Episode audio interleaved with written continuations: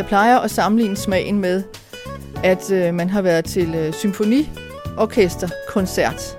Og når så man tager sådan en mundfuld salat ind i munden, så er det simpelthen der i mundhulen, at koncerten foregår. Fordi der er en spændstighed og en, og en smagsunivers, som vi aldrig nogensinde har prøvet før. Du lytter til Latte Gro, en have, altan og potteplante podcast om små spiger, store træer og alt det andet, vi dyrker inde og ude. Jeg hedder Helle Sindal, jeg har selv have, og jeg synes, det er sjovt at eksperimentere og lære nyt. Denne udsendelse handler om spiselige blomster. Jeg har besøgt Naturplanteskolen, som ligger i nærheden af Hedeland mellem Greve og Roskilde. Her indehaver en erfaren blomsterspiser, som øser af sin viden og byder på smagsprøver fra de spiselige bede. Hun har også forslag til, hvordan man kommer i gang med at dyrke blomster til tallerkenen og komponere velsmagende farverige salater. Og så gør hun opmærksom på, at man bestemt ikke skal gnaske løs på hvad som helst, der blomstrer. Jeg hedder Aja Norak, og øh, jeg er passioneret have-planteperson igennem hele mit liv. Øh, og jeg er uddannet som hortonom og har Ph.D.-grad i plantefysiologi og plantedyrkning. Uh, været professionel konsulent for gardner og planteskoler i både Europa og Nordamerika og Afrika igennem 25-30 år. Og nu har jeg startet det her lille projekt, der hedder Naturplanteskolen. Det er min seneste baby, og den går på udelukkende at dyrke spiselige planter i haven. Og vi samler sammen et sortiment, så folk har omkring 500 forskellige spiselige planter i øjeblikket her hos os, de kan vælge imellem. Og vi udvider hele tiden.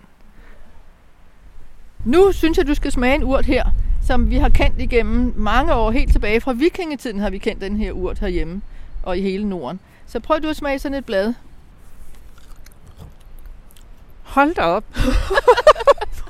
mm, der er smæk på smagen. der er både noget sennep og noget karse, og der er lidt parfumeret. Og så synes jeg, den smager af C-vitamin. Og det er også det, den egentlig kan rigtig meget. Det er, den en C-vitaminurt. Man har kaldt den for skørbusurt i gamle dage. Men teknisk set, der hedder den lægekokleare. Så det er også en gammel lægeplante. Øhm, og den har blomstret her i en uges tid allerede, med små hvide, fine blomster. Og den står i sådan en øh, fin, rund, øh, kompakt plante. Og det bliver sådan helt sky af hvide blomster meget tidligt på foråret. Den er så smuk, så smuk. Og den står grøn hele året. Så man kan bare plukke af den altid. Altså, det er det, der er det sjove og særlige ved blomster og øh, flereårige grøntsager. På begge grupper gælder det som regel, at jo flere blomster man plukker, jo flere blade man plukker, øh, jo mere man bruger planterne. Selvfølgelig ikke helt ned til sokkerholderne. Der er selvfølgelig en grænse, men bruger man dem moderat og hele tiden, så producerer de faktisk meget mere. Så man får meget mere mad i løbet af en sæson, end hvis man bare lader dem stå og blomstre, og man kigger på dem på afstand. Så det er en spændende ny ting, hvor man ligesom er i direkte samspil med sin haves planter, og, og udnytter dem til fælles bedste, kan man sige. Ja, hvorfor spiser vi blomsterne? Altså det vil jeg sige, det er også det mest mærkelige, man egentlig, man egentlig har fundet på at gøre, fordi blomsterne har brug for at bruge deres kræfter på at reproducere sig og lave frø, og så er de jo egentlig skabt til, at det er insekter, øh, bier, sommerfugle, der skal spise nektar og pollen i blomsterne. Så det her med, at vi mennesker går ind og spiser det, det er jo egentlig lidt, altså, det er lidt grov udnyttelse på en eller anden måde. Når det er så sagt, så smager de altså dejligt. De har en friskhed og en krisphed og en, og en altså det er ligesom at komme tilbage til naturen. Og, og, og det bringer altså, det bringer en eller anden stemning med sig, at man sidder der og spiser blomster, som jeg ikke har oplevet før.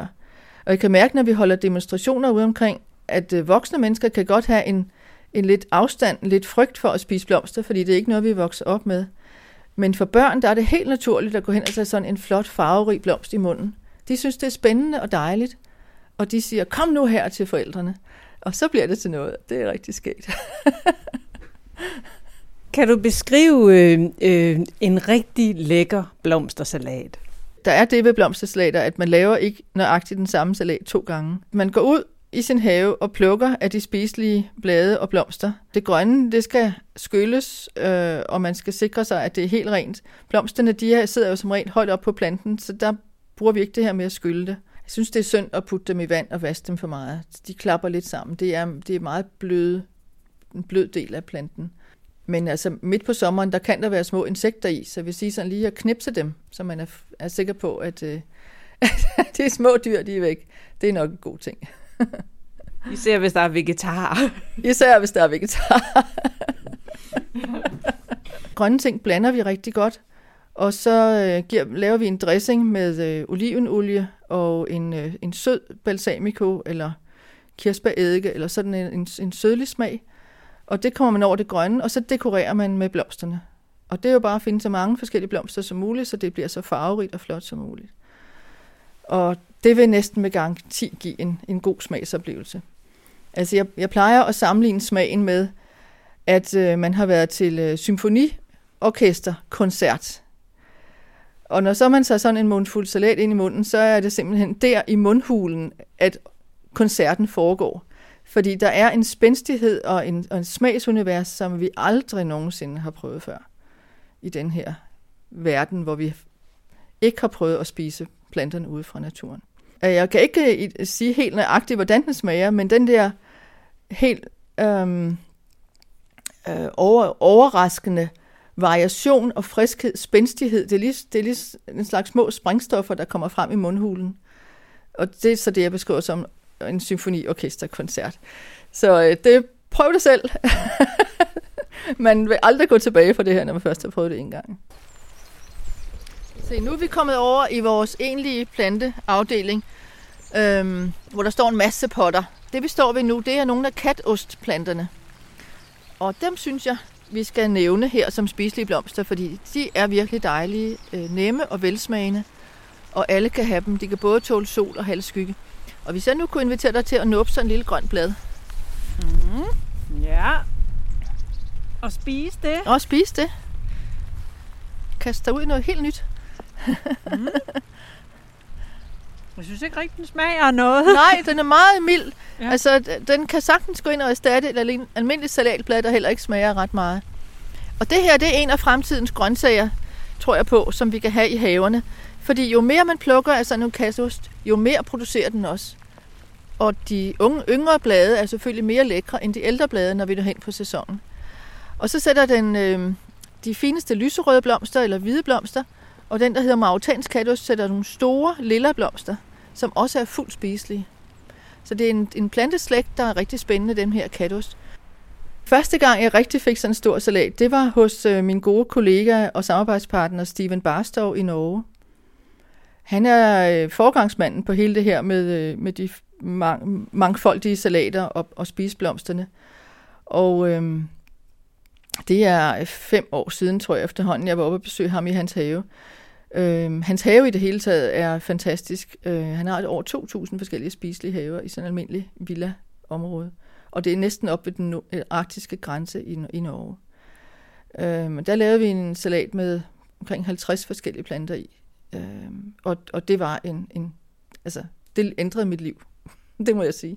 Det var bare fantastisk. Og jeg tænkte, her kan man gøre en indsats for, for øh, meget mere levende haver, meget mere øh, variation, glæde i sin madlavning, og, øh, og samtidig tror jeg, det der sunde element.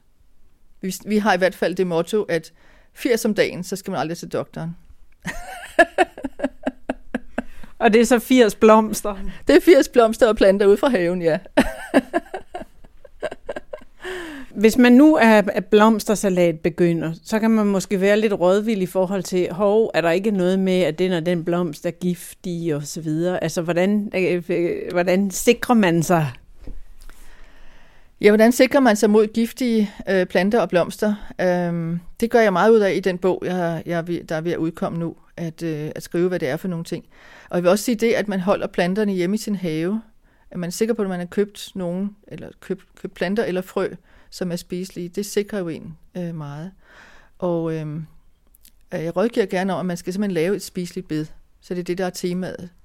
Så det er ikke, planterne ikke står spredt rundt i haven, men at, at man starter med et bed, der er spiseligt.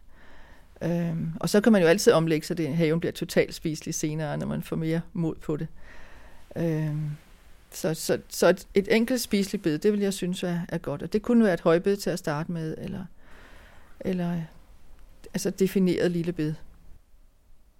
Jamen nemme planter til et højbed. Øh, og der er højbedet for mig at se, det er jo et sted, der er sådan øh, forholdsvis mere tørt end almindelig havebed. Øh, ellers skal man være virkelig god til at vande. Og det er tit også lidt underforsynet med gødning. Så sådan en plante som Sankt Hansurt er helt oplagt. Det er nu ikke en spiseblomst, men en spise øh, urt. Det er de grønne blade, man bruger, der smager af sådan agurkeagtigt, lækkert, øh, saftigt. Sankt Hansurt er rigtig god. Øhm, øh, en meget frodig urt er øhm, øh, mautansk øh, katost, som har store lille blomster, og nogle store, flotte, blanke blade, som øh, begge dele er fuldt spiselige og smager meget, meget lækkert. Cremet, mild smag. Og hvad kan vi så finde på? Bronzefennikel er jo altid et hit. Den smager som lakrids og er faktisk øh, grøn året rundt. Og øh, bliver en mandshøj plante om sommeren og med gule, øh, fine gule skærme, der tiltrækker insekter og sommerfugle. Um, så kunne man have nogle øh, øh nilliker, studentenilliker og pudenilliker og kinesernilliker og sådan nogle ting, som er krybende, er meget fine i, i bunden af sådan et, jeg forestiller mig, det er et højbed i solen. Øhm, så kan man sagtens have lavendler, og man kan have øhm, indianermynte, eller anisisop kalder man dem også. Øhm, og så kan man have tagetes, og alle tagetes blomster er spiselige. Prøv at se, her står vi ved løgene. Nu er vi her ved etageløg. Og de har jo faktisk været grønne i lang tid. Dem kan du også nå en lille smule af. Mm, sådan en her. Og det er sådan en slags forvokset øh, purløgsblad, ikke? Det er rundt, og det er hult i midten. Øhm, og de har faktisk i sådan en milde vinter, vi har haft lige nu, har de været grønne hele tiden. Så, så der er en del at plukke her. Og de vil med tiden så sætte sådan nogle yngle øh, løg, og på toppen af, af de blads, unge blade, vi ser her, der kommer de op i en 30-40 cm højde. Og den her, det er en type etageløg, der kan blive tre etager høj. Jeg har hørt om, at der findes sorter, der kan give helt op til fem etager. Og det vil sige halvanden meter høj. Sjov skulpturel plante, som øh, man, man høster så ynglenøgne og spiser dem midt på sommeren. Og man bliver også kaldt for pensionistløg, fordi man høster dem oppe lige i nåhøjde. Man skal ikke ned og bukke sig. så den er populær mange steder. Så har vi purløg i hvide og lyserøde og den almindelige lilla farve. Vi har de flotteste prærieløg i lilla farver. Og så har vi øh, kamløg og kantløg og nikkeløg, som minder om hinanden på det her stadie tidligt på foråret, men som bliver meget mere forskellige hen over sommeren og blomster rigtig flot. Faktisk kan man lave sig et flereårigt løgbed, hvor det er primært blade og blomster, man spiser. Man har blomster fra april til oktober.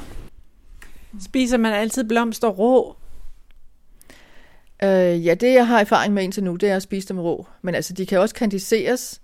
Øh, der er perspektiver i at lave tørrede øh, blomsterblade, som jeg tror, industrien kunne finde på at bruge i mysli og i alle mulige andre produkter. Øhm, man kan vel også fryse dem og gemme dem til senere. Øhm, men altså, jeg tror, det, det, det mest spændende, der hvor man ligesom får det ypperste frem i at bruge blomsterne, det vil jo være at bruge dem friske. Ikke?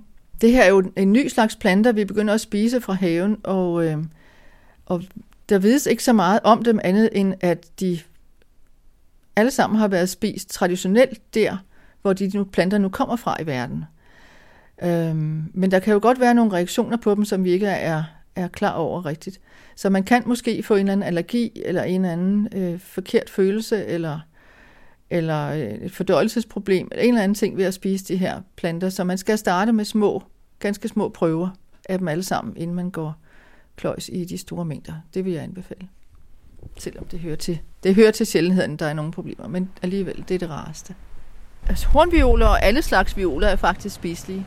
De små blå martsvioler er også spiselige. Og de tidlige blade er både hornvioler og martsvioler er spiselige. Stemorblomsterne er spiselige. Men altså, der er en anden ting, vi lige skal huske at nævne, som er sådan lidt øv. Og det er, at øh, alle de blomster, der er dyrket, de sælger i forretningerne og supermarkederne, de er dyrket som prydblomster. Og det vil sige, at der kan være kommet nogle øh, sprøjtemidler og giftstoffer på, som man ikke ville have gjort, hvis det var til spisning. Så enten skal man vælge sig økologiske planter, eller også skal man dyrke dem derhjemme. Fordi at prydplanter, det er ikke, de er ikke gode nok. Altså der kan være nogle meget uheldige giftstoffer på der. Nu står vi lige her ved sådan et, øh, et langt forårsbed, af alle mulige ting. Og de er jo i fuld blomst vi har haft vintergækker næsten allerede fra januar, og der er krokus, og der er erantis her. Øhm, og det vil jeg godt lige have lov at nævne, at dem skal man altså ikke gå ud og spise, fordi der er ikke nogen af dem, der er spiselige. Øh, pollen og nektar er godt til insekterne, og meget vigtig tidlig mad til vores bier, men vi skal ikke spise dem. Og så har vi nogle øh, påskeliljer på vej herover også, og de er altså heller ikke spiselige. Så dem skal man holde sig fra. Og i det hele taget, hvis man er i tvivl om, hvad det er, så undlad at spise det, man har i haven. Der kan jeg se, der kommer en akeleje frem. Og akeleje kronbladene er spiselige, men resten af planten er giftig. Og sådan er der altså nogle tricky nogen imellem, som vi skal passe på. Jeg har jo en bog her under opsejling. Øh, den udkommer i foråret 2017, og den har jeg skrevet på hele vinteren sammen med forlaget Kåstrup, øh, som jeg synes øh, gør det rigtig godt inden for også spiselige planter og alt med naturen. Så bogen udkommer og kommer til at hedde Fantasilater, og den handler om de eventyrlige blomstersalater, man kan fremstille hjemme i haven, øh, ved bare at dyrke almindelige haveplanter, som man så har udvalgt, så de også er spiselige. Og bogen øh, præsenterer over 100 forskellige planter, man kan vælge mellem. Og øh, den anviser, hvordan man kan lave fantaslatbede eller lidt mindre spiselige blomsterbede, såvel som opskrifter på over 20 salater, som er lavet over hele året. Alle måneder er med. Hvor kom ideen fra til spiselige blomster, for mit vedkommende? Øh, det, det spottede jeg faktisk allerede tilbage i 1999, hvor jeg var øh, trendforsker inden for planter, havebrug og natur, og ligesom så på, hvilke nye retninger der var. Og der lavede vi dengang et tema, der hed Eat Your Garden øh, i 99. Og det var ret revolutionerende, at man pludselig skulle til at spise haven. Og i den øh, bog, jeg har fra den tid der, øh, som jeg udgav dengang, der er flere salater med blomster i. Og det var altså nytænkning, så det er virkelig battet. Øh, så det er sjovt nu at komme til at arbejde med det, og så finde andre, som har, har, har gået og nørdet med det, uden at de tænkte, det var andre end dem selv, der kunne være interesseret i sådan noget. Altså sådan en fyr som Steven Barstow, han har jo haft det som sin egen hobby igennem mange år. Og, ikke, og bare altså, fået at vide af omverdenen, at han var underlig. Og nu er det pludselig blevet mega mode. Så det har ret skægt ændring i, øh, i vores øh, opfattelse af mange ting, øh, der pludselig er sket her. Det, det nyder vi jo. du har hørt Aya Norak fra Naturplanteskolen fortælle om at spise blomster. Planteskolen, der ligger nær Hedeland mellem Greve og Roskilde, har specialiseret sig i spiselige planter, løg og frø. Derudover er der gårdbutik med lokalt producerede varer fra honning til havemøbler. Naturplanteskolen holder også kurser og workshops, blandt andet om selvforsyning, fermentering og om at spise ukrudt. De rykker også ud til havearrangementer og til folk, som gerne vil have mere spiseligt i haven. Du kan se mere på hjemmesiden, som hedder naturplanteskolen.dk. Tak fordi du lyttede til Latte Gro, podcasten om alt det vi dyrker i vindueskarmen, på altanen, i små og store haver og til små og store maver. Programmet her er det tredje i rækken af haveudsendelser, som du kan finde på SoundCloud. Her kan du vælge at abonnere på Latte Gro, så får du automatisk besked, når næste udsendelse er klar.